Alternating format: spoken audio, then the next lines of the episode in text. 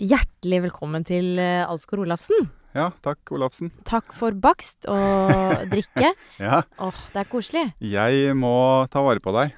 Ja, Dette må- er jo mitt bidrag i podden. Jeg har blitt så skrinn.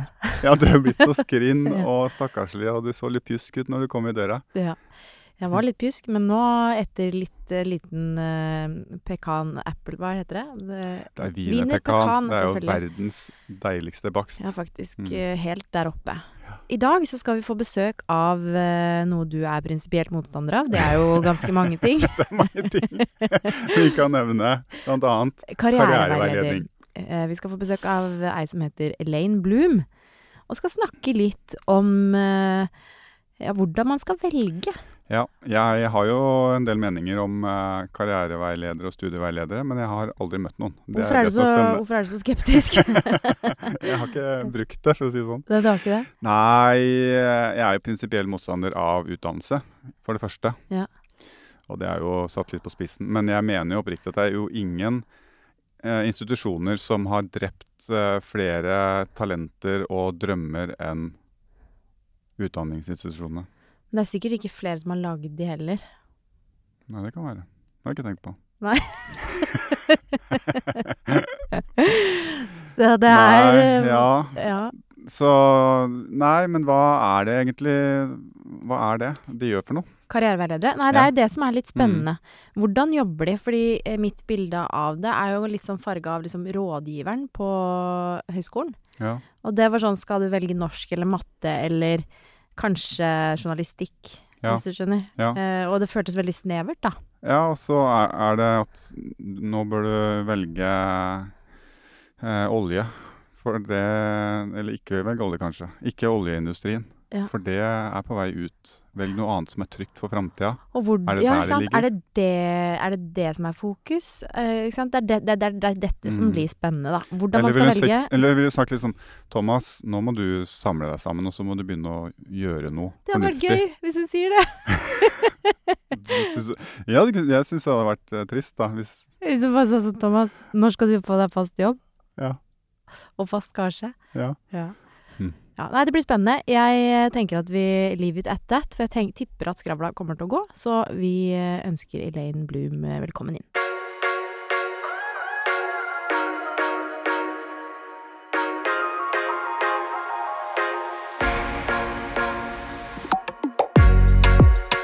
Hjertelig velkommen til deg, Elaine. Takk for det. Veldig hyggelig at du ville komme til oss. Tusen takk. Setter veldig stor pris på å bli invitert. Og du er jo da karriereveileder. Ja, blant annet. Men det er liksom primærvirket for øyeblikket, da. Det er det vi trenger, som har famla rundt i blinde i 30 og 50 år nå. ja, jeg tenkte at det, ja, altså det Er det noe jeg hadde trengt på altså, mange ganger i livet, egentlig, så er det kanskje det. Men kan ikke du fortelle litt Hva er liksom essensen i det du gjør? Du, jeg gjør jo flere ting da, som dreier seg om karriere, men essensen handler jo om nettopp å, å, å støtte mennesker eh, i Altså bistå de rett og slett i overganger, da. Skal jeg velge et studie eller ikke? Skal jeg bytte jobb eller ikke? Hvordan er det å starte en jobb? Jeg har lyst til å slutte jobben. Um, I utgangspunktet så handler det om å kartlegge og sortere. For mange kommer og sier nei, men jeg trives ikke på jobben sånn og sånn, sjefen. Men hva er det det er snakk om? Er det ledelsen? Er det arbeidsoppgavene? Er det reiseveien? Er det miljøet? Og av og til, vet dere hva, fordi karriere ikke kan ses på som isolert fra andre arenaer i livet, så er det kjipt hjemme. Ja. Og det at det er kjipt hjemme, det drar man med seg over i arbeidslivet. Syns kollegaene er kjipe og vanskelige, Mm. så kan det være at det er noe som er litt tøft i en sjøl. Så i utgangspunktet så dreier det seg om å, å løfte blikket litt, få litt perspektiver. Og jeg skal jo ikke fortelle folk hvordan de skal leve livene sine. Mm. Og så skal jeg vite, vite det. Men um, det handler om den gode samtalen, åpne opp for refleksjon og rett og slett eh, åpne mulighetsrommet. Da, se hvilke muligheter som fins. Mm. fordi det er et gap mellom hvilke muligheter folk egentlig ser at de har, og hva som fins der ute. Men jeg, jeg må ta et steg tilbake, fordi eh, jeg er ikke så, velutdannet, for å si det pent. Eh, så, men hva, hva er karriere egentlig? Hva er det som ligger i ordet karriere? For det, jeg tenker jo Man snakker jo om han eller hun har gjort karriere, karrierestigen. Det er noe liksom forventning om at eh, en suksess i det ordet, da. Og jeg er så glad for at du spør. Vet du hva? Det defineres som en løpebane. Ja. Eh, hvor du bare løper rundt i ring. Og begrepet karriere gjør meg litt sånn kvalm. Fordi det handler nettopp om eh, noe sånn utopisk. Du skal gjøre karriere, eh, dress og slips og opp og fram. Og det er dette her som også er kjernen i det jeg jobber med, hvorfor jeg har gjort det jeg gjør i tolv år. Det der å normalisere det, eh, og, og velge kanskje en utdanning, velge et yrke, måtte prøve ting flere ganger. Så det er det der utopiske begrepet om å gjøre en karriere, og eh, hvordan de fleste nå kjenner på at det er mitt ansvar. Hvis ikke jeg velger riktig, hvis ikke jeg tar dette riktige valget, så, så får det konsekvenser for resten av livet. At ting er hogd i stein. Så for meg så skal jeg ønske vi kunne kalt det noe annet. Eh, fordi det er nettopp det karrierebegrepet som skaper en del støy, altså. Ja, er det en belastning i det arbeidet, å få folk til å trives? Um, ikke nødvendigvis en belastning, men det er, det er noe med det at nå skal du ut og gjøre karriere. Og jeg ja. har jo jobbet med folk som har stått så lenge utenfor eh, som man nesten knapt skulle tro, som kanskje kan jobbe 10 ja. Til toppdirektører, til studenter, til eh, Ja, jobbet mye med, eh, med flyktninger og integrering og vet du hva? Det er et par ting som går igjen, og det er uh, Uansett hva vi står i, hvem vi er, hvor vi kommer fra, så har de fleste altså et ønske om et, sånt, et godt liv, være et sted de trives, at noen bryr seg om de, får lov til å stå på egne bein. Så vi er ikke så ulike, men eh, karriere og jobb kommer i sjukt mye ulike fasonger. Ja, vi har jo såkalt gjort karriere, uten at jeg egentlig forstår at Nei, jeg har aldri tenkt over det. Jeg har aldri tatt et bevisst valg i at uh, det her nå skal jeg gjøre karriere, eller dette skal bli min karriere. Jeg har bare gjort det jeg har hatt lyst til hele livet, og så tenker jeg på det nå som en fase i mitt liv, ikke noe annet enn det. Men du sa noe som er viktig, du har gjort det du har hatt lyst til. Og apropos dette med karriere, da, se på hvor mye trykk, særlig unge, men også voksne, har utenifra. Hvor mye du skal tjene, hva du skal jobbe med, hva er statusyrker, hva er lurt for kvinner, hva er lurt for menn, hva er lurt for, ikke sant. Det er ganske eh, mye som foregår der ute som vi lar oss påvirke av. Eh, og veldig ofte når jeg sitter i karriereveiledning, apropos karriere, så er det sånn ja, jeg tror jeg må ta en master Og du må ta en master. Har du lyst? Ja, men hvis ikke så får jeg ikke jobb. Eller ja, jeg bør vel egentlig jobbe med det, da. Ja, men hva er det du vil? Sånn derre kunsten å liksom stole på seg sjøl og ja, orientere seg utover og liksom snakke med folk, men gå inn, da, sånn som du har gjort, og bare ja, men jeg har lyst til å kjøre taxi, jeg. Ja. Kan jeg ikke bare gjøre det? Nei, det, det, det passer ikke, eller Så det er akkurat det er et dilemma. Folk står i så mange sånne små, store dilemmaer, og Apropos gjøre det man har lyst til, at karriere eller jobbvalg Det er jo flere tusen store og små valg, det er jo ikke ett avgjørende. Se på karrieren, se hvor det er du sitter nå. Hadde du visst det for 20 år siden at du skulle ha podkast? Nei, det kan vi si. Nei, og det er dette her som er poenget mitt, da, med karriere og jobb. Du, vi kan ikke planlegge for alt. Vi kan ta noen valg, men, men litt av kjernen i det du beskriver, da. Um, å gjøre noe av det man har lyst til, i hvert fall. Nå gjør jeg altså en podkastkarriere. Ja, det er det du gjør. Det er det du gjør. Du er på en løpebane. Ja.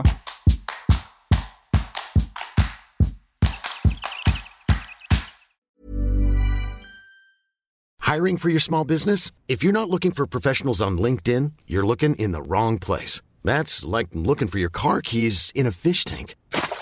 LinkedIn helps you hire professionals you can't find anywhere else, even those who aren't actively searching for a new job but might be open to the perfect role. In a given month, over 70% of LinkedIn users don't even visit other leading job sites. So start looking in the right place. With LinkedIn, you can hire professionals like a professional. Post your free job on linkedin.com slash people today.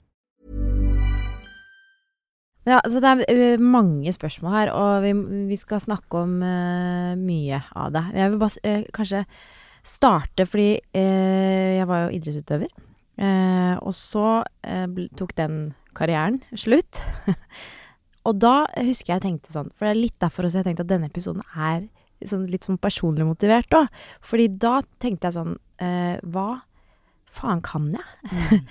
hvor, eh, hvor, skal jeg starte? Må jeg, må jeg, liksom Må jeg begynne på et eh, profesjonsstudie? Må jeg bli noe helt nytt? Eh, kan jeg bruke noe av det? Altså, ja, hva, hva har jeg? Altså, mm. hvordan starter du med folk som eh, For det er jo ikke bare idrettsutøvere som plutselig ikke kan jobbe med det de jobber med lenger.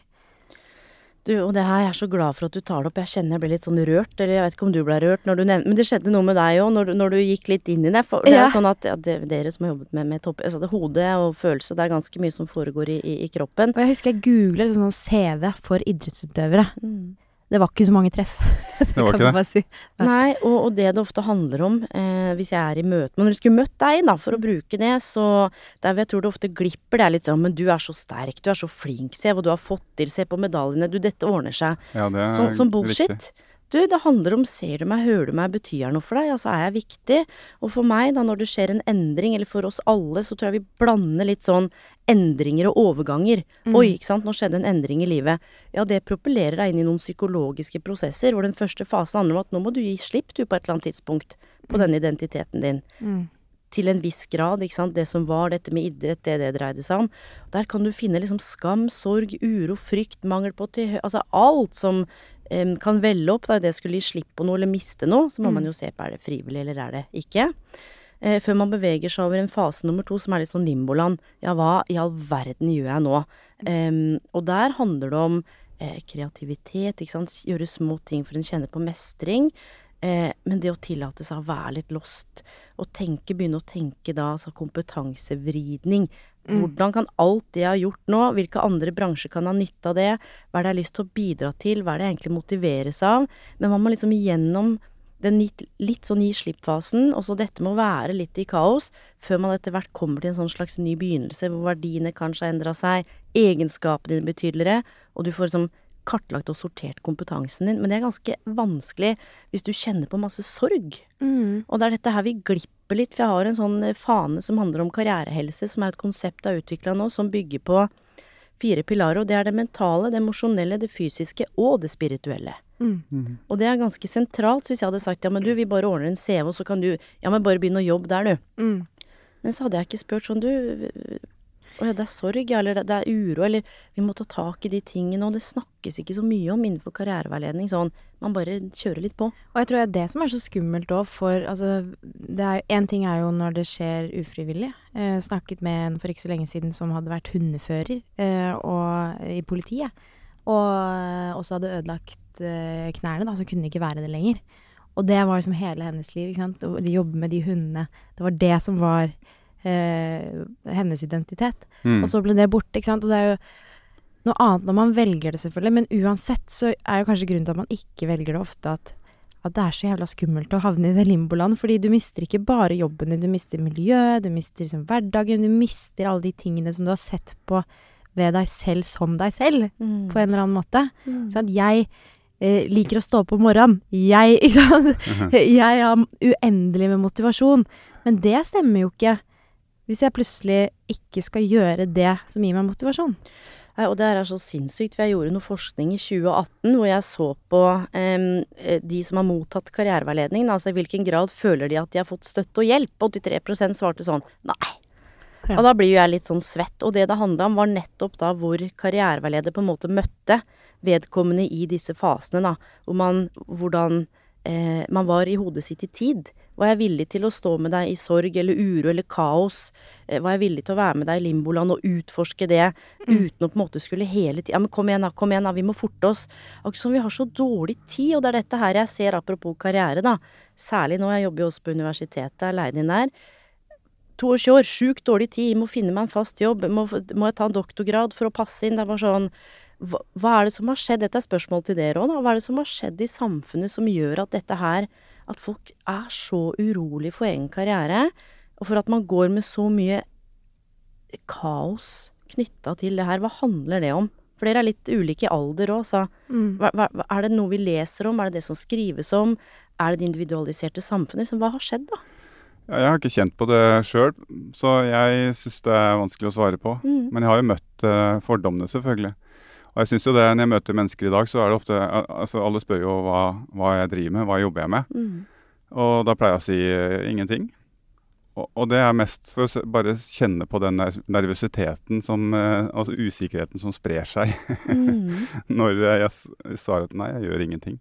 Jeg har ikke noe jobb. Jeg er ikke interessert i det heller. Det er ikke akse- sosialt akseptert, på en måte. Du skal gjøre noe. Mm. Du skal bidra, du skal eh, ha fast jobb, fast inntekt. Selv min, Mm. farm, eller, min kones farmor sa jo det første gang jeg var hjemme der. Når vi ble sammen, er sånn Når skal du slutte med skigreiene og få deg fast jobb og fast gasje? Ja, men der ser du det da, igjen, hva, hva det derre det skal være fast, og så og faren min òg. han er 84, sjukt opptatt av utdanning, for han kom fra England til sjøs da han var 13. Han er jo noe av grunnen til at jeg sitter her i dag. Ehm, for jeg husker da jeg var 13 år, så, og det var november, og det var sånn sjukt mørkt. Eh, og så hørte jeg sånn romstering i gangen, så sto jeg opp. Der står fattern bare fullt påkledd med lue, sånn sennepsgult skjerf og kartbok under armen. Så sier jeg sånn Hvor skal du hen, liksom? Har du, skal dere skille Altså, hva er det du driver med? Ja. Og han er engelsk, og så sa han sånn Nei, men go back to bed. Så sa jeg nei, da blir jeg med, for jeg er litt sånn rebelsk. Så sa han sånn her Jeg har mista jobben. Vil ikke snakke om det. Nå går jeg med avisene på natta. Bare Ja. gå og legg deg. Ja. Da husker jeg Jeg tenkte, vet du hva, jeg husker de der øynene hans. De var så mørke og så sånn skamfulle. Og da var han jo eh, nesten 60 år. Um, og da husker jeg sånn Ok, jeg skal jobbe med å hjelpe folk som har mista jobben. Jeg skal ha mitt eget selskap, så ingen kan liksom gi meg sparken. Og jeg skal jobbe som leder, sånn at jeg skal ta vare på folk. Ja, ikke akkurat med de ordene, da, Ja. men litt sånn check, check, check. Ja. Og han, eh, han sleit med å komme seg ut i jobb, altså. Og det var ingen som snakka om det hjemme. Nei. Det bare skjedde en stor endring. Fattern ble kald og rar, og mutter'n var hissig, og det var sånn What is going on? Hvorfor kommu- kommuniserer man det ikke? Og det er jo der interessen min for kommunikasjon, mennesker, karriere, jobb Mm. Hvorfor velger vi å tenke og handle som vi gjør? Mm. Se på farmoren din, da. Du må få deg en fast jobb, da. Trygghet. Ja, Men men er- kunstformer, ja. ja. Nei, det er jo mm, Hva skal jeg si, altså Men uh, når jeg la opp da i 2003, etter en lang karriere Jeg har jo egentlig konkurrert siden jeg var tre år, da, fram til jeg var 31. Eh, og det er jo det er plutselig fra å ha ett ensidig fokus hele livet, som jeg brant for, og vei, min hjerte og sjel, og så er alle veier, alle mulighetene åpne. Og da, i den situasjonen, for meg og for mine kolleger i samme situasjon, så er jo det er ganske sånn ensidig. Veiledningen da er start på en utdannelse. Istedenfor å få hjelp til å se hei, hva er det du faktisk sitter med? For du sitter jo med noe her som ingen andre skoler i verden lærer noen noe om. Så på et vis så burde jeg vært den mest attraktive i hele Norge, i det norske arbeidsmarkedet, fordi jeg hadde noe unikt. Men, men råd og veiledningen vil jo være start på en utdannelse, noe du syns er gøy, og noe du kanskje finner noe nytt å brenne for, og så få deg en jobb. Det er jo det. Det gjør meg litt vondt å høre. Eh, for det er nettopp det, hvis du ser på hva kompetanse er, da. Ja, det formelle, det du har papiret på. Men guri land, se på erfaringen, skråstrek livets skole, hva som ligger der. Sammen med verdier, menneskesyn, holdninger og egenskaper. Ja, men, det, men jeg kan også følge opp, fordi det er jo det som også møter meg da, i veien videre. Fordi jeg, ikke, jeg gjør ikke, tar ikke den veien. Jeg var heldig når jeg la opp, så jeg hadde jo allerede vært med å starte opp en del selskaper, en del gründerbedrifter, og satt jo i styrer der. Og da møter jeg jo igjen det samme, fordi når alt går bra, så er jeg en del av styret. Men med en gang det begynner å spisse seg til, og, det blir alvor, og kanskje begynner å også må tas tak, så stikker akademikerne hodene sammen, og så er jeg eh, og så skyve seg utafor. For jeg har ikke lest de samme bøkene som de. Enda jeg kanskje er den som sitter på relevant erfaring rundt akkurat det utfordringene vi møter.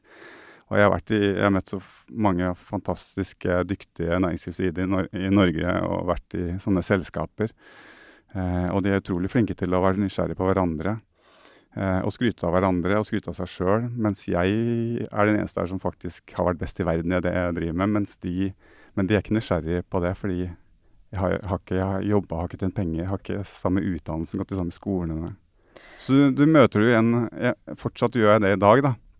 Ja, og det, når du sier det, jeg bare kjenner det gjør meg vondt, og særlig fordi jeg også sant, har jobba med spekteret fra, fra A til Å, og jeg ser folk, eh, blant annet også da, bare med, med en mastergrad, bare på universitet, som er sånn ja, er jeg verdi, er jeg nok, holder dette her?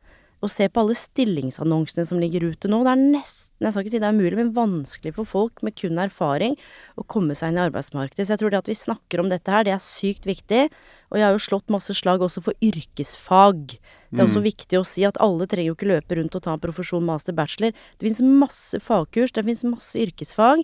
Og så er det noe med hvordan kan vi kommunisere verdien av det å være menneske. Altså oppturene, nedturene. For det første, ja, du har gått med det derre fellesskapet, du har vært en del av alt det du har stått i de siste 30 årene. Og her er kjernen av hvordan eh, pakkettere og det å kommunisere det på en sånn måte at det At folk faktisk skjønner da, hva du har her inne, og hvordan det skal komme ut. For det er det jeg tror glipper noen ganger, det bildet vi har av folk eh, som ikke stemmer overens med den tekstboka.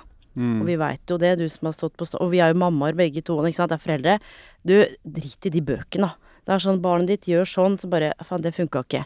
Hvor mye du kan lese i bøker, og så kommer du ut i den virkelige verden i praksis. Hello. Så her må det skje et eller annet for meg, fordi Ja. det som skjer, vi skaper masse tapere. Vi gjør det. Det er tøft for mange på skolen nå. Man, man takler ikke å ta en utdanning. Nei, men Og da er det sånn alle må ha utdanning, viser rapporter. Du, hva tror du det gjør med folk som sitter og tenker sånn shit, skole er ikke for meg. Mm. Dette her gjør meg litt gæren.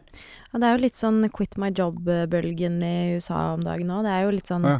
alle skal starte for seg selv. Eh, og gjøre Så det er litt sånn selvrealisering i det hele også. Det er jo kanskje litt sånn hamskifte, da. Fra bestemor som sier at du skal ha fast skarse og fast eh, jobb. Fast gasje òg. Det er sånn ord jeg bare leste i Donald. Ja. Det er så gammelt, det. Ja, ja. Eh, til at man liksom skal eh, Kanskje at alle skal gjøre sin egen greie. Eh, som heller kanskje ikke funker. Men jeg bare lurer på sånn Det sitter sikkert mange hjemme nå som sitter Kanskje er litt sånn Sånn Det er greit på jobb, men gleder seg til helga. Altså sånn Jeg kunne kanskje tenkt meg et eh, noe forandring. Noe spennende.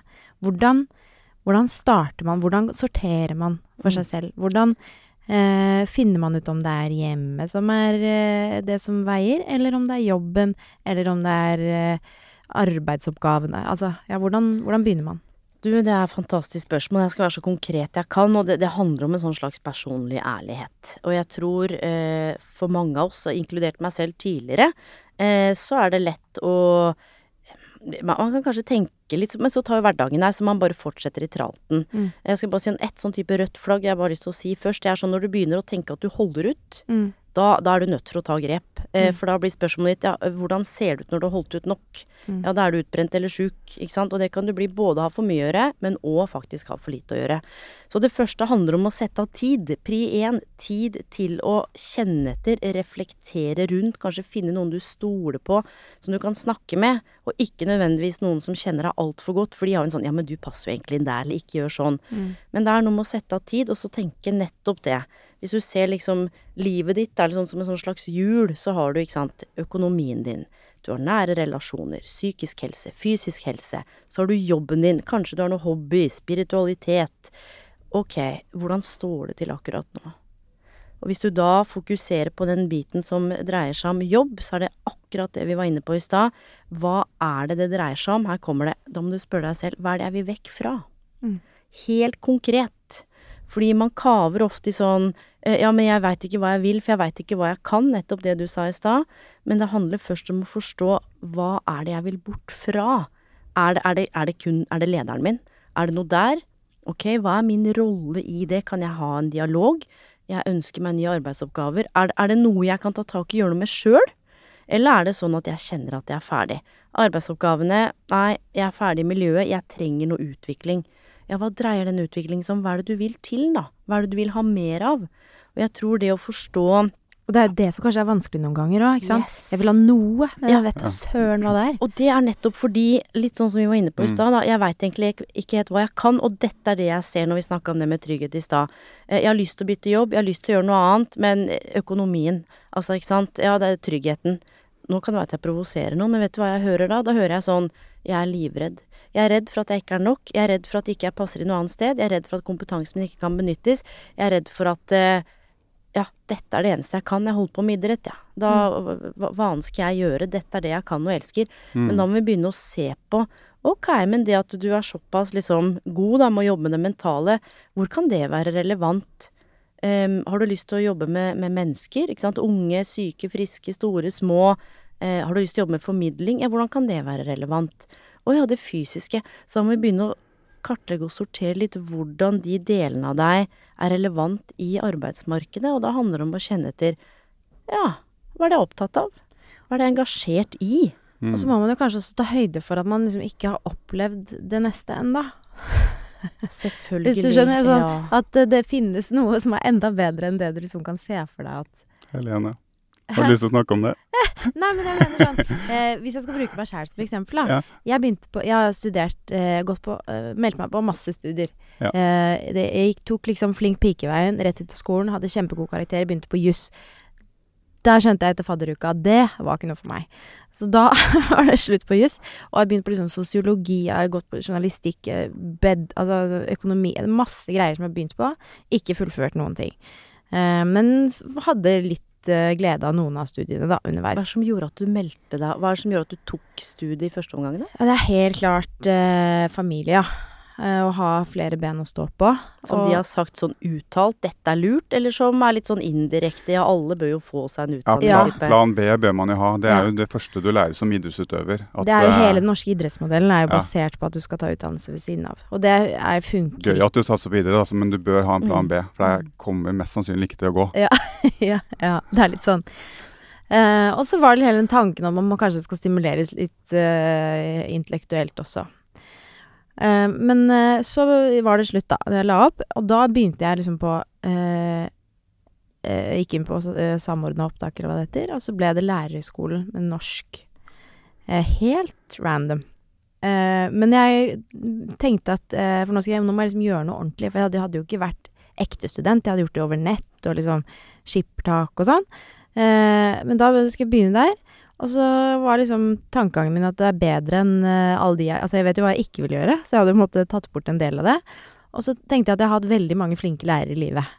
Og de har jeg altså, Jeg kunne godt tenkt meg å ha vært en av de, på en måte. Gjort en forskjell for folk. Mm. Eh, og det Det var jo sånn jeg møtte opp der, så var det opprop første dagen. Så tenkte jeg sånn Herregud, hvem er disse menneskene? Det var den mest rar, rareste sammensetningen av folk jeg har sett noen gang.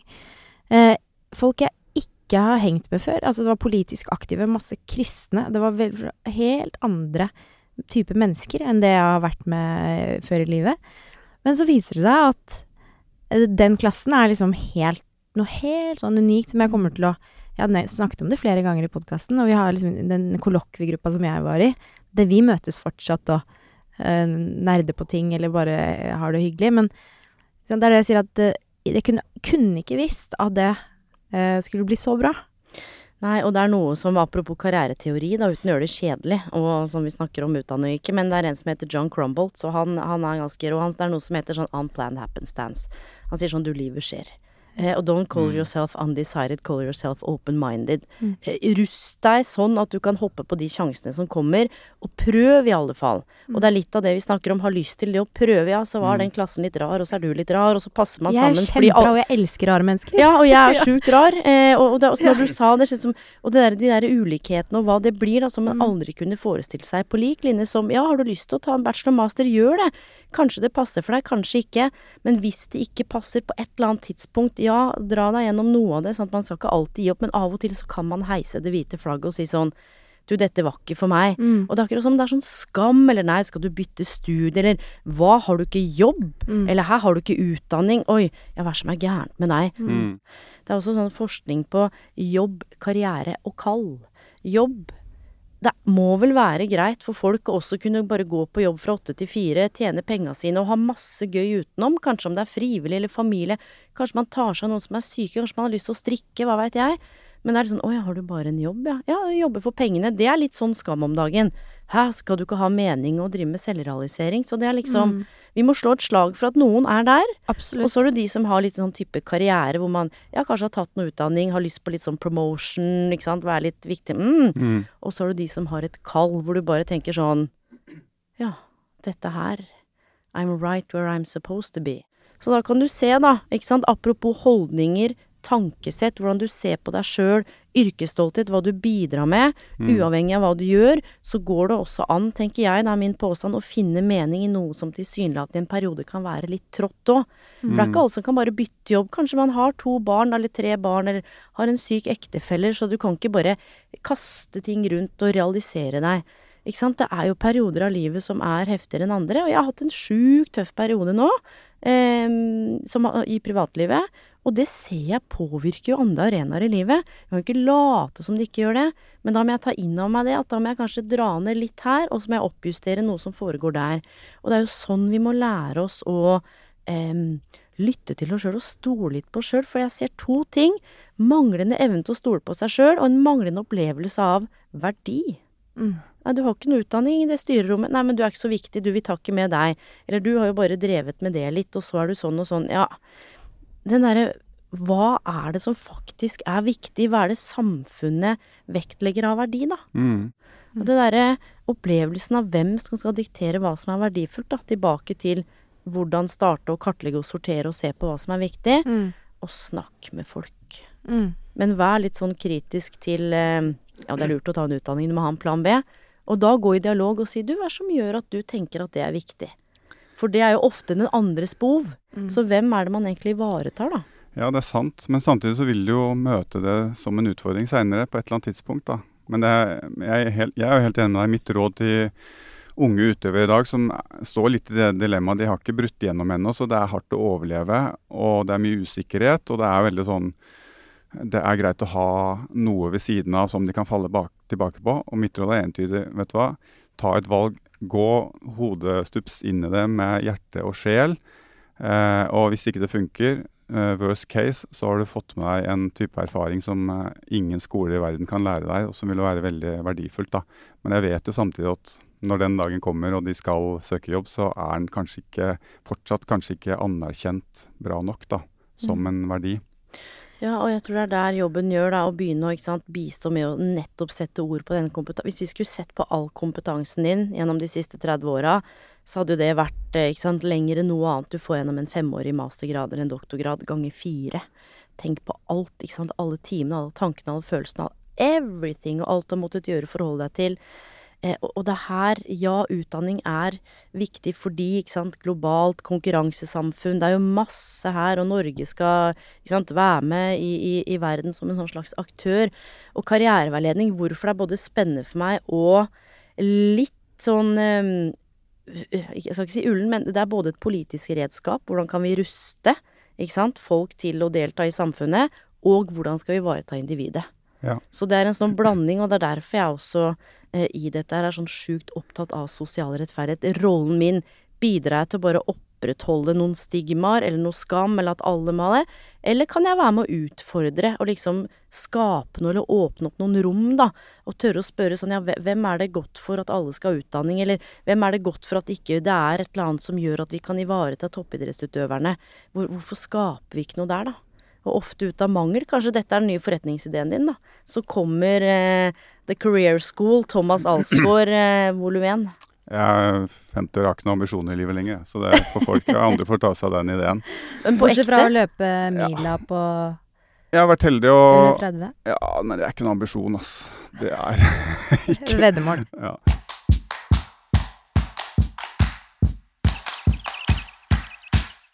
Nei, eh, jeg har vært heldig og møtt eh, mye spennende mennesker, da. Og jeg har også noen gode venner som eh, er fullstendig uten ambisjoner, og det har lært meg så utrolig mye. Fordi det har jo vært mitt liv. Altså, jeg har hatt en utrolig drive. Ikke til å bli best i verden, for det er ikke det det handler om, men til å hele tiden bli litt bedre. Og skape utvikling og få det til. Og så får det resultatet bli som det blir, da. Og blir man best, så kan man leve av det. Hvis ikke, så er det fortsatt eh, veldig givende. Eh, så jeg har lært mye av eh, å ha venner eller møte mennesker som ikke har ambisjoner. Og det er jo også et spørsmål hvor åpen er du i forhold til det når du møter mennesker eh, som ønsker rådgivning og karriereveiledning, at du, du skal faktisk ikke gjøre noe. Du skal bare være fritt menneske.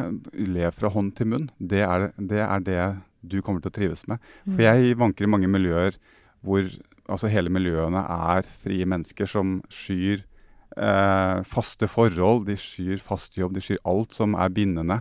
De vil være frie, de vil ut i verden ha mulighet til å gjøre alt de vil hele tiden. Mm. Og så går det fra hånd til munn så vidt det er, og det er mer enn nok. Mm. Det er også en option på en måte, som vi må respektere. Ja, og jeg er så glad for at du spør, fordi jeg hadde faktisk en i veiledning for en stund tilbake, ikke så lenge siden, som bare ikke ville eie noen ting. Eh, selge hus, altså alt. Hadde muligheten, da. Var ikke bundet av, av familie heller. For man må jo se litt på, hvis man har en partner, så kan det være at ikke sant, da må man jo gå i dialog, og, mm. og barn, og kanskje det er noen forpliktelser som man må forholde seg til. Um, så sa jeg, jeg jeg har bare lyst til å reise, og har et ganske kult digitalt firma. Eh, hva tenker du? Og poenget at eh, jobben min er ikke å gå inn og mene så mye sånn nei, det høres dumt ut. Tenk deg hvis jeg hadde sagt det til deg ja, når du var ti, sånn jeg syns ikke du skal satse på toppidrett, jeg. Og så hadde man gått glipp av deg, da. Så litt av poenget er det handler om å utforske hva, hva dreier dette her behovet seg om? Hva er det du er nysgjerrig på? Eh, hva er det du ønsker deg bort fra? Ikke sant? Hva er det du Mm. vil til? Hvordan tenker du at du kan bidra? Hva, hva, hva er det du har lyst til å oppdage, da? Og det kan jo være sant, reisen, menneskene, kulturen, det kan være å komme seg bort, det kan være å skape ny identitet. Og så trenger man, og her kommer poenget mitt, da, man trenger jo ikke alltid vite alt heller. Kanskje det er nok, akkurat som du sier, å bare leve fra hånd til munn og vite at ok, da, da er det det jeg har lyst til å gjøre. Og jeg har jo vært nomade sjøl. Du, I've been traveling around the world. Jeg hadde en avdelingslederjobb, eller en lederjobb som jeg sa opp i 2015. Heter jo Bloom til etternavn, som betyr å vokse og gro, altså to bloom. Og så bare reiste jeg rundt i verden jeg, med Project Bloom. Du, jeg har vært på Cuba, Brasil, Sør-Afrika, I've been around. Jobba pro bono med karriereveiledning. Ah, ikke sånn been around, altså, men been around. Eh, og bare vært oppe i fjellene i dominikanske, hvor, hvor, hvor Ikke sant. Jeg har sett så mye. Så for meg så, så er det viktig rollen som karriereveileder å passe på når er det eh, noen treffer meg med historien sin, og, og på en måte skille hva som er mitt, og ja, gud, husker du hva jeg gjorde? Men å ivareta den andre og lytte og få sammen forstå hva dette valget her dreier seg om, og også kanskje hva det valget kan føre til. For ja, man kan tenke potensielle konsekvenser, men også potensielle gaver, da. Mm. Og det at jeg har, jeg har reist sjukt mye Jeg hadde aldri eh, sittet på den erfaringen og den kompetansen med de menneskene i slummen, i, altså der vi har vært, enn hvis jeg hadde bare surra rundt her. Og det er bare meg. Så ingen ambisjoner. Ja, men det er jo også en ambisjon, da, å ikke ha noen ambisjoner. Ja, for jeg tenker ikke på et friår eller to friår. Jeg, altså. nei. jeg tenker på det, et eh, bevisst livsvalg Yes. å Mm. ikke ha noe. Mm. Eller være noe, eller gjøre noe. Mm. Eller lære noe. Ja. Er, det, er det en veiledning du kan gi? Du, jeg kan i hvert er fall riktig. lytte til, og så blir jeg nysgjerrig på hvordan kan man gå rundt i verden da, de neste 40 åra og ikke lære noe. jo, For jo. det, det, er- det er nesten sånn inevitable. Det er vi helt enig i. Men når vi, vi veldig, vi snakker om at man, det er viktig å lære å utvikle seg. Da, og da tenker vi på bøker med en gang. Og lærebøker eller et fag. Men jeg er enig med deg. Det er utrolig mye anna Ja, for jeg tenkte ikke enn- bøker, jeg tenkte på Ja. menneskemøter. Jo, men samfunnet tenker jo det. Yes. Mm. Og det er derfor jeg tror den her er så viktig, òg, for det er litt det du Altså, jeg tror du er inne i sånn kjerne av noe som svir litt, da. Med ambisjoner og mål og liksom bigger, stronger, faster. Mer følgere, ikke sant. Mer jobb, mer sånn, mer suksess. Um, og så vil jeg ikke nødvendigvis si at dette er motsatsen, men det er litt derfor jeg tok opp dette med det er ok å bare ha en jobb fra åtte til fire. Ja. Og det er ok å bare Du, jeg tror jeg frilanser litt, eller jeg gjør ikke det engang. Nå skal jeg bare være. Det Ja. jeg, det, det, det er ikke mitt bord å si sånn Nei, det er ikke så lurt, du må få deg en utdanning, Og det er jo ikke bare heller. Det er jo ikke bare Nei. bare å ha en jobb fra åtte til fire. For meg hadde det vært helt uoverkommelig, hvis du skjønner. Jeg har prøvd det, og jeg, det, rekorden min er seks uker. Og da ble jeg kvalt. Hvor var du en da? I mitt eget firma. Ja, ok! Og, og i tillegg et eventbyrå. Som er relativt lite A4 i seg sjøl. Ja. Men eh, det var bare ikke Hva ble du kvært av, da? Eh, det, det at jeg måtte være et sted til en viss tid eh, hver morgen, var nok til å ta livet av meg. Mm. Ikke kjangs i havet. En kvalmende følelse. Mm. Så Ja. Men altså sånn eh, Når du snakker Ja, du vil jo si noe mer? Ja, fordi du nevnte jo liksom eh, ambisjoner, og vi har jo snakka masse om dette her, for, for vi har jo en idrettskarriere, og vi er jo putta i en bås at vi er, vi er syke konkurransemennesker, og, og har liksom den her ekstreme ambisjonen, da. Men vi kjenner oss ikke igjen i det i det hele tatt. For selv om vi har lykkes så til de grader med det vi har gjort, så kjenner jeg meg ikke igjen som eh, et menneske med ekstrem konkurranseinstinkt. Jeg vet egentlig ikke hva som ligger i det. Jeg har bare gjort det jeg har lyst til hver eneste dag. Men vi har kanskje konkludert med at det var litt det du snakket om i stad. At, Ja. du at du hadde den driven, da. At, Ja. eh, at det er det å liksom forbedre seg og utvikle seg og bli litt grann bedre. Ja. Uh, og, men det er det jo også mange som ikke altså, Hva med penger, på en måte? Det er en vel så sterk motivasjon for mange. Mm. Som, uh, som den derre indre, litt sånn idealistiske Mm. greia. Ja, og det er litt sånn tabu av og til å snakke om òg. Eh, og jeg hadde et karriereveiledningskurs hvor, som, hvor vi liksom gikk gjennom sånn type verdier eller hva som er viktig for deg. Sånn, omsorg, samarbeid, fellesskap, personlig utvikling, bidrag, gjøre verden til et bedre sted. Så var det en som sa penger. Mm. Og så lo alle. Litt sånn, ikke hånlig, men så kjente jeg sånn hei, stopp litt. Fordi vi må jo se på hva som ligger bak. Så sa jeg sånn, du, du sier penger, hva dreier det seg om? Så sa han, hva mener du? Ja, penger, ja, det, det, det gir meg trygghet. Så sa jeg, men ok, hva gir den tryggheten deg, da? Nei, det tror jeg gir meg frihet. Så sa jeg, men, men frihet til hva da? Så sa han, det er frihet til å reise, blant annet. Så sa jeg, men hva mer? Og så sa han sånn, du, når jeg vokste opp, så var det ikke så mye penger. Um, så penger for meg betyr at jeg kan gi noe tilbake til mamma og pappa. Ikke Ja. sant? Så man kan le litt av det, penger ha-ha. Men det er ulike grunner til at folk er opptatt av penger. Noen har lyst til å kjøpe seg en fet bil, for de tenker at det er status. Og så må man jo se på sånn Hvis den bilen der er det som gir deg verdi, så kan det jo bli litt trøblete kanskje litt seinere down the line, hvis det er den fete bilen det dreier seg om. Um, men jeg tenker at folk har ulike motivasjon, man har ulike drive, og du, vi kommer jo fra forskjellige steder. Men det jeg har sett i veiledning som jeg har lyst til å dele, det er jo nettopp hva slags mønstre vi drar med oss, da. Sånn type jeg jobbet med en som nesten hadde fått fyken, eller det hadde vært konflikter i alle arbeidsforhold. Um, og dette kan man jo også se på til de som kanskje ofte blir lei, ikke sant, har lyst til å bytte jobb. Og så begynte jeg å sånn, for jeg mister alltid, jeg har så mye styr. Men hans, når han var liten, så var det hans måte å få omsorg og kjærlighet på, det var jo gjennom å få kjeft. Ikke sant? Gjennom å være litt sånn, eh, utagere litt, for da var det i hvert fall noen som brøy seg. Så når han skapte konflikter på jobben, ikke sant, så, så fikk han en eller annen sånn form for kjærlighet. Ser du, en sånn anerkjennelse, og så gikk det jo gærent. Og det mønsteret bare gjentok seg. Så når du snakka litt om i stad, å se på ja, hva, hva, hva er det man skal gjøre, eller hvor skal man begynne? Ja, kan du kjenne igjen noen repeterende mønstre? Er det sånn at du ofte blir lei etter en viss periode? Eh, er det sånn at det er noe med menneskene, hva er det du bringer inn? Og det å begynne å bli kjent med seg sjøl og de mønstrene man har, da. Fordi jeg ser noen overpresterer jo, for det er der hvor man har fått kjærlighet og ros og kjempebra. Noen blir usynlig. Ikke sant? Noen er den eh, omsorgspersonen som alltid baker kake, som alltid stiller opp, men som ender opp med å bli litt sånn bitter og sliten. Um, fordi at eh, man blir sånn åh, herregud, nå baker jeg kake igjen, eller nå jobber jeg ekstra igjen. Egentlig så har jeg ikke lyst, men det er der jeg får verdi. Mm.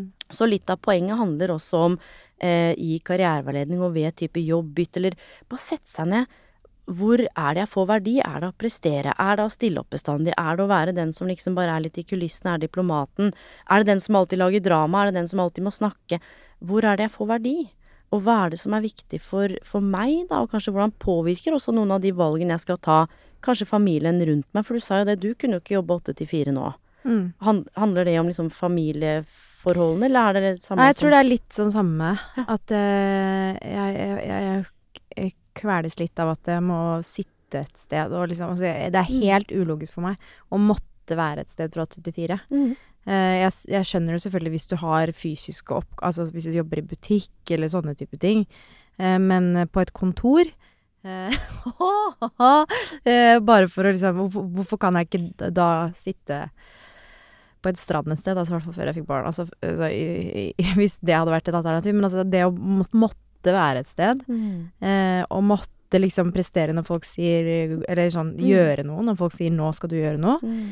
Eh, det hadde jeg ikke det, det, det passer ikke for meg, rett og slett. Jeg, jeg klarer ikke. Men det er bare å vite det, da, og sette ord på det. Ja. Ikke sant? Mm. Ok, da er det én litt sånn for Ok, hva, hva er det jeg trenger? Mm. Hva er litt sånn need to have og nice to have, for det er også Mm. to forskjellige ting. Eh, hva er det jeg trenger, og hva er det jeg ønsker, og hva er det jeg på en måte kjenner at this is no go. Og bare det å vite det, da eliminerer du plutselig en hel haug av jobber. Ja. Fordi man kan jo snakke sånn og hva vil du til, og hvem er du, og hva kan du, og hva vil du, men du, hva er det du ikke liker? Mm. Bare ok, Mm. nei, jeg liker ikke kids, nei, men kanskje ikke barnehage, da, selv om man kan jo ha sine egne og like de. Ja. Eller ikke sant, jeg liker ikke det, nei, men da veit du det, så man kan jo også eliminere. Mm. Men det er noe med det der å i hvert fall bli klar og tydelig på egne vegne, ikke sant. Hva er det med dette her som gjør at jeg kjenner en sånn uro, eller hva er det med dette her som gjør at jeg elsker det jeg gjør? Mm. Eh, og i hvert fall du nå, da, med ikke sant, eh, formidling er jo en del av det du driver med, og en del av det du Dere snakker jo. Mm. Ja, vi babler i vei, vi. Ja. Ja. Og det er jo sånn hva, hva Det at dere snakker, da, eller babler, er fra den karriere, eller de karrierene dere har hatt tidligere, hva, hva er det dere har tatt med dere derfra, fra idretten og inn i det med å snakke? Altså, hva er linken der? Jeg tror det er et ønske om å forstå og, og lære. Mm. I hvert fall fra min side. Ja. Eh, og også eh, snakke litt i dybde, da, fordi eh, det Jeg føler liksom at når man var idrettsutøver, så, så jobbet man jo i dybden hele tiden. Mens kanskje det er litt vanskeligere å, å gjøre nå. Ja, på en eller annen, det blir liksom Man farter dit og hit og dit, men så nå har vi på en måte Nå har vi denne timen som vi kan snakke dedikert om noe. Mm. Eh, og det syns jeg er veldig spennende. Det er ikke noe verre enn det, egentlig. Mm. Jeg tror ikke det er noe Ja. Og du, da? Nei, det er jo Jeg er jo bevisst om at eh, en viktig faktor for å få til noe skape utvikling, er jo nysgjerrighet, da. Og jeg er ikke noe sånn god sosialt, men jeg er jo god til å observere mennesker og er veldig nysgjerrig og, og interessert i å observere mennesker. Og jeg er jo litt som Helene, da. Jeg synes synd uh, Verden går fortere og fortere i dag, og debattprogrammer, altså spennende mennesker som man ser i media, får kortere og kortere tid. Så når samtalene begynner endelig å bli interessante, og litt i dybden, så er det neste gjest, da. Så det er det sånn ønske om å kunne invitere mennesker vi syns er spennende, og være nysgjerrig på det, og komme litt i dybden på det. Og som har Og språket om ulike ting, da. For det er Mm. jo ofte det der det skorter litt også, sånn i hverdagen. Sånn Jeg skulle egentlig hatt en tanke her nå, men jeg, jeg hadde ikke helt orda for Mm. for å snakke om det. Og det er jo litt sånn Vi kan jo egentlig være hver- hverandres karriereveiledere litt også. Eh, for det, det er jo når, jeg, når vi snakker nå, så har jeg Altså, du har et ønske om å se mennesket. Og det er jo, eh, om du kaller det karriereveileder, eller om det er psykolog, eller om det liksom er en god venn. Mm. Eh, liksom, det, det sklir jo litt over i hverandre. Selvfølgelig så har jo du spesialkompetanse. Ja, Men eh, det er jo litt det vi driver med her Mm. også. Ja. Ja. og jeg tror det er viktig det for- for- ikke Både den, den karriereveiledningsfagfeltet er relativt ungt i Norge, da, men det bygger jo på psykologi, ikke sant, sosiologi. Det er en sånn interdisiplin. Det henger jo sammen med masse Mm. fagfelt. Og jeg tror du sier noe viktig der, og det er derfor jeg sier det. Det er så mange som sitter aleine med sånn skal jeg bytte jobb, skal jeg ikke bytte jobb. Vet du hvor mange som sitter aleine rundt om nå på høyskoler og universiteter og tenker bare shit, Mm. Fy faen. Har jeg valgt dette studiet? Det er helt krise. Jeg føler meg aleine. Jeg skjønner ingenting. Jeg, jeg, fadderuka var kaos. Eh, Jeg savner hjem... Altså Men jeg kan ikke bytte. Kan ikke, hvem skal jeg snakke med? Men når vet man at man kan slutte, da? Fordi det er også sånn som du sier, Thomas, ikke sant? den derre streben etter å liksom bli litt bedre. Altså, og, og liksom å lykkes, da. Eh, og du sa også i stad at vi skaper masse tapere. Hva er det å tape? Er det, er det å gi seg? Har du tapt da? Ja, nei, for det jeg tenkte på i stad, da handler det på en måte om nettopp som vi er inne på, at alle må ha en utdanning. Mm. Og de unge da som leser det i avisene, ikke sant. I 2040 så er anslagsvis at alle skal ha høyere utdanning hvis Norge skal gå videre. Litt sånn flåste og litt tabloid. Mm. Og så sitter kanskje noen og tenker sånn Jeg river meg i håret når jeg leser sånn. Ja, og så det. sitter det unge da, mennesker, og det har aldri vært mer stressa un un- ungdom, eh, for Mm. å si det sånn, eh, på hva man skal bli og den riktige utdanningen, og man har dårlig tid, sjukt dårlig tid, 22 år, mastergrad, man får meg fast jobb inn i direktørstanden, Mm. bare sånn Nesten like fort som jeg snakker nå, så blir man svett. Mm. Og det er litt det her som også provoserer meg, at du er 17 år, og du veit ikke helt hva du vil, men det må du finne ut av. Mm. Hvis ikke, Mm. hvordan skal det gå med deg? Mm. Og det er det her som er problemet nå, ikke sant. Hvordan skal det gå med deg? Og litt sånn som du sa òg, da, med hvordan veit du når du skal Og jeg heller er ikke noe glad i verken ordet taper eller gi opp. Men det er den der jakten på det utopiske, ikke sant. Den perfekte utdannelsen, den perfekte jobben, det perfekte liv, perfekte kroppen. Jeg skrev en lang artikkel om for en stund siden. It does not exist. Mm. Og jeg skal si deg en ting. Vi kan planlegge for jobb og utdanning og karriere. De gangene livet skjer, det er de tingene du aldri har tenkt på, sånn som når moderen får hjerteinfarkt, eller det blir et samlivsbrudd, eller ungen din blir sjuk, eller du eh, går så på snørra i karrieren som du aldri hadde sett for deg. De tingene er ofte de Mm. vi ikke helt har planlagt for å sette for oss. Mm. Vi bruker så mye tid på å bekymre oss, og vi sitter så mye aleine. Og det er også litt av poenget mitt, hvorfor jeg hadde lyst til å være med her òg. Snakk med noen, du. Det fins gratis karriereveiledning som ikke har noen ting med meg eller businessen min å gjøre, på karriereveiledning.no. Mm. Altså telefon og chat, en egen sånn nasjonal tjeneste. Og det er gratis karriereveiledning på alle de fylkesvise karrieresentrene. Du kan bare gå inn. Eh, og, og jeg tror hvorfor også med psykisk helse, da. Det er sånn ja, men bare spør om hjelp, sier folk. Det er dritvanskelig å spørre om hjelp hvis ikke du helt veit hva du skal spørre om hjelp til. Mm. Og det er litt av poenget mitt. Det er sånn akkurat som det må være noe gærent med deg før du spør om hjelp, eller du må virkelig ha byttejobb eller ha trøbbel med CV-en. Ja, da kan du oppsøke noen. Kan ikke bare si sånn Du, jeg skjønner ikke opp ned på meg sjøl. Jeg, jeg har det ikke helt ok på jobb, men jeg veit ikke helt. Kan ikke du bare stille meg noen spørsmål, da, kjære karriereleder? Og så begynner man der. Ja. Det er akkurat som vi skal fikse og finne ut alt. Vi, vi er liksom ikke Ja, vi, vi må fikse ting litt sjøl først, og så, sånn at det ikke blir for ille når vi kommer. Og det er det jeg liksom Så snakk med noen, men også vær litt bevisst, som jeg sa. Nære relasjoner har jo gjerne et bilde av deg, men Helene, du er jo sånn, ikke sant. Du bør jo gjøre det. veldig flink med folk. Ja, ja, du er så Ja. flink med Ja. folk. Du er det. Og kanskje du kjenner sånn Åh, nå er folk Nå er jeg litt sånn lei folk. Men du gjør noe med Og så er det det som på en måte blir det mulighetsrommet, da. Ja. Men jeg tror det handler om forståelse for hvordan er det vi velger. Ja. Er du i fortid når du velger, ikke sant? Eller er du i fremtid? Og her er et sånt kort eksempel. Jeg jobbet med en eh, Jeg skulle studere juss. Mm. Og, så, sånn, og det har jeg tenkt på liksom hele livet, eh, og det er det jeg vil. Men nå kjenner jeg at nå er jeg usikker. Mm. Og da må vi begynne å liksom igjen da, se på hva det er dette som. Da hadde hun sett på en eller annen serie på noe sånn Netflix med en dame som hadde tatt en advokatutdanning, og så trivdes hun ikke i jobben og bare hata jobben sin.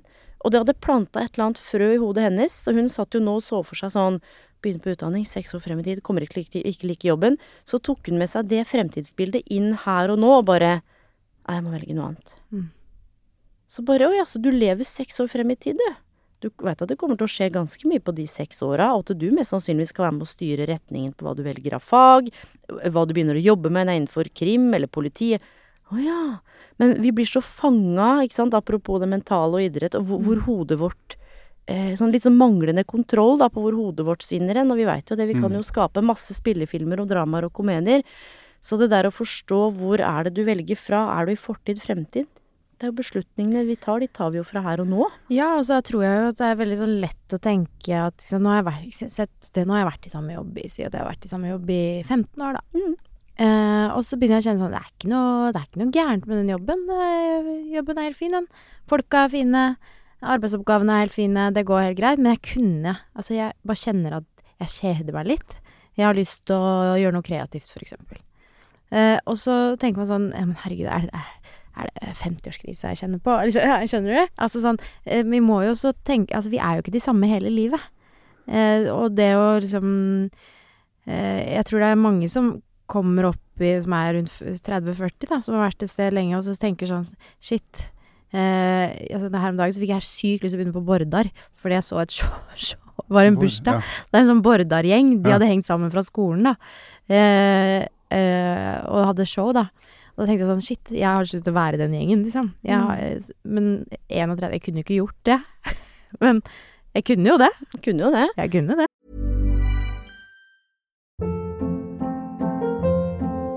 Hold up. What was that? Boring. No flavor. That was as bad as those leftovers you ate all week. Kiki Palmer here, and it's time to say hello to something fresh and guilt-free. Hello Fresh. Jazz up dinner with pecan-crusted chicken or garlic butter shrimp scampi. Now that's music to my mouth. Hello Fresh. Let's get this dinner party started. Discover all the delicious possibilities at hellofresh.com. Men du sa noe spennende av den gjengen. Ja. Så er det noe med tilhørigheten og fellesskapet. Ikke sant? Hva er det du kjenner på For det er jo viktig for meg, da. Ja, sant? Og det er det, ikke sant. Er det noe du kjenner ikke sant, er i mangel, for eksempel? Det kan man jo se på ut av mangel. Så kan det oppstå mye spennende. Mm. For hva er det med det? Var det den gjengen og den Akkurat som du snakka om klassen, da, og dette, denne kulturen. Er det det du blir dratt mot? Er det dansinga? Er det show? Ikke sant. Hva er det for noe? Og jeg tror vi er inne på noe viktig nå. Jeg har jo, eh, har jo mye spennende folk i karriereveiledning. Jeg har jo alt mellom himmel og jord, og jobba liksom med folk fra over 60 land. Og den senere tiden nå, så har det vært overvekt av pluss 45 som har lyst til å bytte jobb. Mm. Litt sånn det du beskriver, da, så kan vi si 30-40. Eh, men det er også viktig å si at ja, noen ganger så er jobben litt kjedelig. Mm. Eh, og noen ganger så er det gøy. Så må man jo se på hva kan jeg gjøre internt. Kan jeg endre noen oppgaver? Kan jeg gjøre noe jobb? Er det noe som er mulig her? Mm. Kan jeg si hei, jeg er opptatt av bærekraft, jeg har lyst til å, å, å starte noe eget der. Eller jeg har lyst til å ta ansvar for det digitale. Mm. Man kan jo ta litt ansvar sjøl òg. Samtidig så er det ikke sånn at alt ansvaret skal hvile på ens egne skuldre. Men det er noe som heter jobcrafting. Og dette her er forska på. De som eh, gjør arbeidsoppgavene litt til sine egne. De som drar inn litt andre elementer. Kanskje du gjør noe sosialt og har den derre quizen. Hva med dette kurset i New York? Ja, ja, men gjør litt sånne ting, da. Dette Ja. jobcraft. At man skaper litt sin egen jobb i jobben, på en måte. Så Mm. man endrer egentlig både litt instruksene, kanskje litt av liksom the company policies. Og jeg ser det også blant annet i karriereveiledning, så handler det om de som sant, jobber med folk som går på Nav, du har jo høyere utdanning, du har jo skole. Og selv om man heter karriereveileder, så jobber man på veldig forskjellige måter. Og ofte, og dette så jeg annet i masteroppgaven nå, når man jobbet med folk fra Nav, så gikk man langt utenfor mandatet sitt. Mm. Man strakk seg mye lenger. Noen ga til og med penger til mat av og til. Noen traff de hjemme og gikk en tur, for, for av og til så orka ikke kandidaten å komme på kurs. Man var litt slakkere på oppmøtet. Man bare skapte litt sin egen greie i jobben, og det er det flere og flere også som gjør, nettopp for å trives, da. Ja, Nå sier du at det er jo et ganske et forholdsvis eh, nytt uh, yrke, da. Men da har det jo tydeligvis uh, sikkert endra seg ganske mye på den korte tiden nå. For jeg tenker jo litt sånn Jeg er jo en hvit mann på 50, så jeg er konservativ så det holder, sant. Men uh, studieveiledning har litt sånn erfaring med å tenke tilbake på. Det handler om at hvilke retninger er lurt å velge nå, for der kommer det til å bli mye jobber å velge i i framtida. Og hvilken jobb er det lurt å søke seg inn i nå, for der kommer det til å være ganske trygt lenge. Men eh, så, så er det det mye mer psykologi jo- og menneskelig og følelser ja. i det. som du forteller, i hvert fall. Og om du er et unntak, eller om det er Ja, det håper jeg ikke, altså. Fordi Nei, jeg også jeg leverte en artikkel det. på dette her, og da var det sånn eh, Nesten litt sånn ja, eh, folk bør ikke gå inn i olja, ikke sant, Elaine? Eh, for da Ja, er det det grønne okay. skiftet. Så kjenner jeg sånn Satt under journalisten, hva er det du er ute etter? Hvis folk er Mm. keen på å gå inn i olja, la de gå inn i olja. Mm. Ikke sant? Kanskje det er lang tradisjon da, oppe i Stavanger at det er en sånn familiestolthet. Da tenker man jo kanskje at oljeutdanningen, eller petroleumsutdanningen, også endrer seg i takt med det grønne skiftet. Så skolene må jo henge med. Og du du har egentlig sagt kjernen i det meste. Hva er det du har lyst til? Hvorfor gjør ikke folk det de har lyst til? Hvorfor er man så redd for å feile, da? Litt sånn som han Crumbolts også. Kaosteori innenfor karriereveiledning. Vet du hva første setningen i boka er? Livet er usikkert og komplekst, men vi er så opptatt av å ha kontroll og planlegge og liksom eh, holde fast ved det som er forutsigbart. That ain't life, people. Men det der å gå for det man har lyst til Nei, men jeg bør ta en grad, fordi da veit jeg at om 20 år så er det masse jobber. Og jeg hadde en kar jeg, som sa jeg har lyst til å jobbe på lager. Og da hadde han vært hos noen som sa ja, men det må du ikke, alt blir automatisert. Og vet du hva jeg sa? Du drit i det, da. Ja. Er du keen på å jobbe på lager? Trø Gjør det, da. Det kan være at du mister jobben om tre år eh, fordi alt blir automatisert. Tenk deg de tre fette åra du har hatt, da. Tenk deg alt du har lært, da. Kanskje du har lært et eller annet på logistikken. Fått et ekstra kurs. Så fett! Er det det Ja. du vil? Go for it! Mm. Hvorfor skal jeg si sånn Nei, du, jeg tror vanlig TV jeg går ut, så dere bør ikke være på TV lenger, for nå sitter alle på YouTube. Kom dere over Du, sånn tøys! Ja. Skal man leve 40 år frem i tid, og ja, man skal ta høyde for noen ting, så nå tøffer jeg meg litt, men når jeg sitter i møte med et individ, så er det nettopp de tingene som vi har løfta om her, som er viktig. Samfunnet, det, det, det, det går rundt, det, det ordner seg, men det handler om det, disse menneskemøtene. Og det må vi faktisk la bli siste ord, fordi vi har skravla ja. en time. Ja. Eh, og vi er vi? ute på tid. Vi har, det er veldig mye eh, Det har vært veldig spennende å snakke om, og det er jo fin sånn oppsummering, føler jeg. At eh, vi forandrer oss, eh, og verden forandrer seg. Så Mm. det er på en måte helt umulig å ta et sånt helt trygt og godt valg for resten av livet. Ja, det er lenge siden vi skulle hatt flyvende biler. Ja, ikke sant? Det er mange år siden. Ja. Ja, og, og du velger ikke for resten av livet. Nei. Hør nå, du velger her, er Hvis jeg må si se på karrieren din som et prosjekt. Prosjekt foreldre, prosjekt jobb, prosjekt utdanning.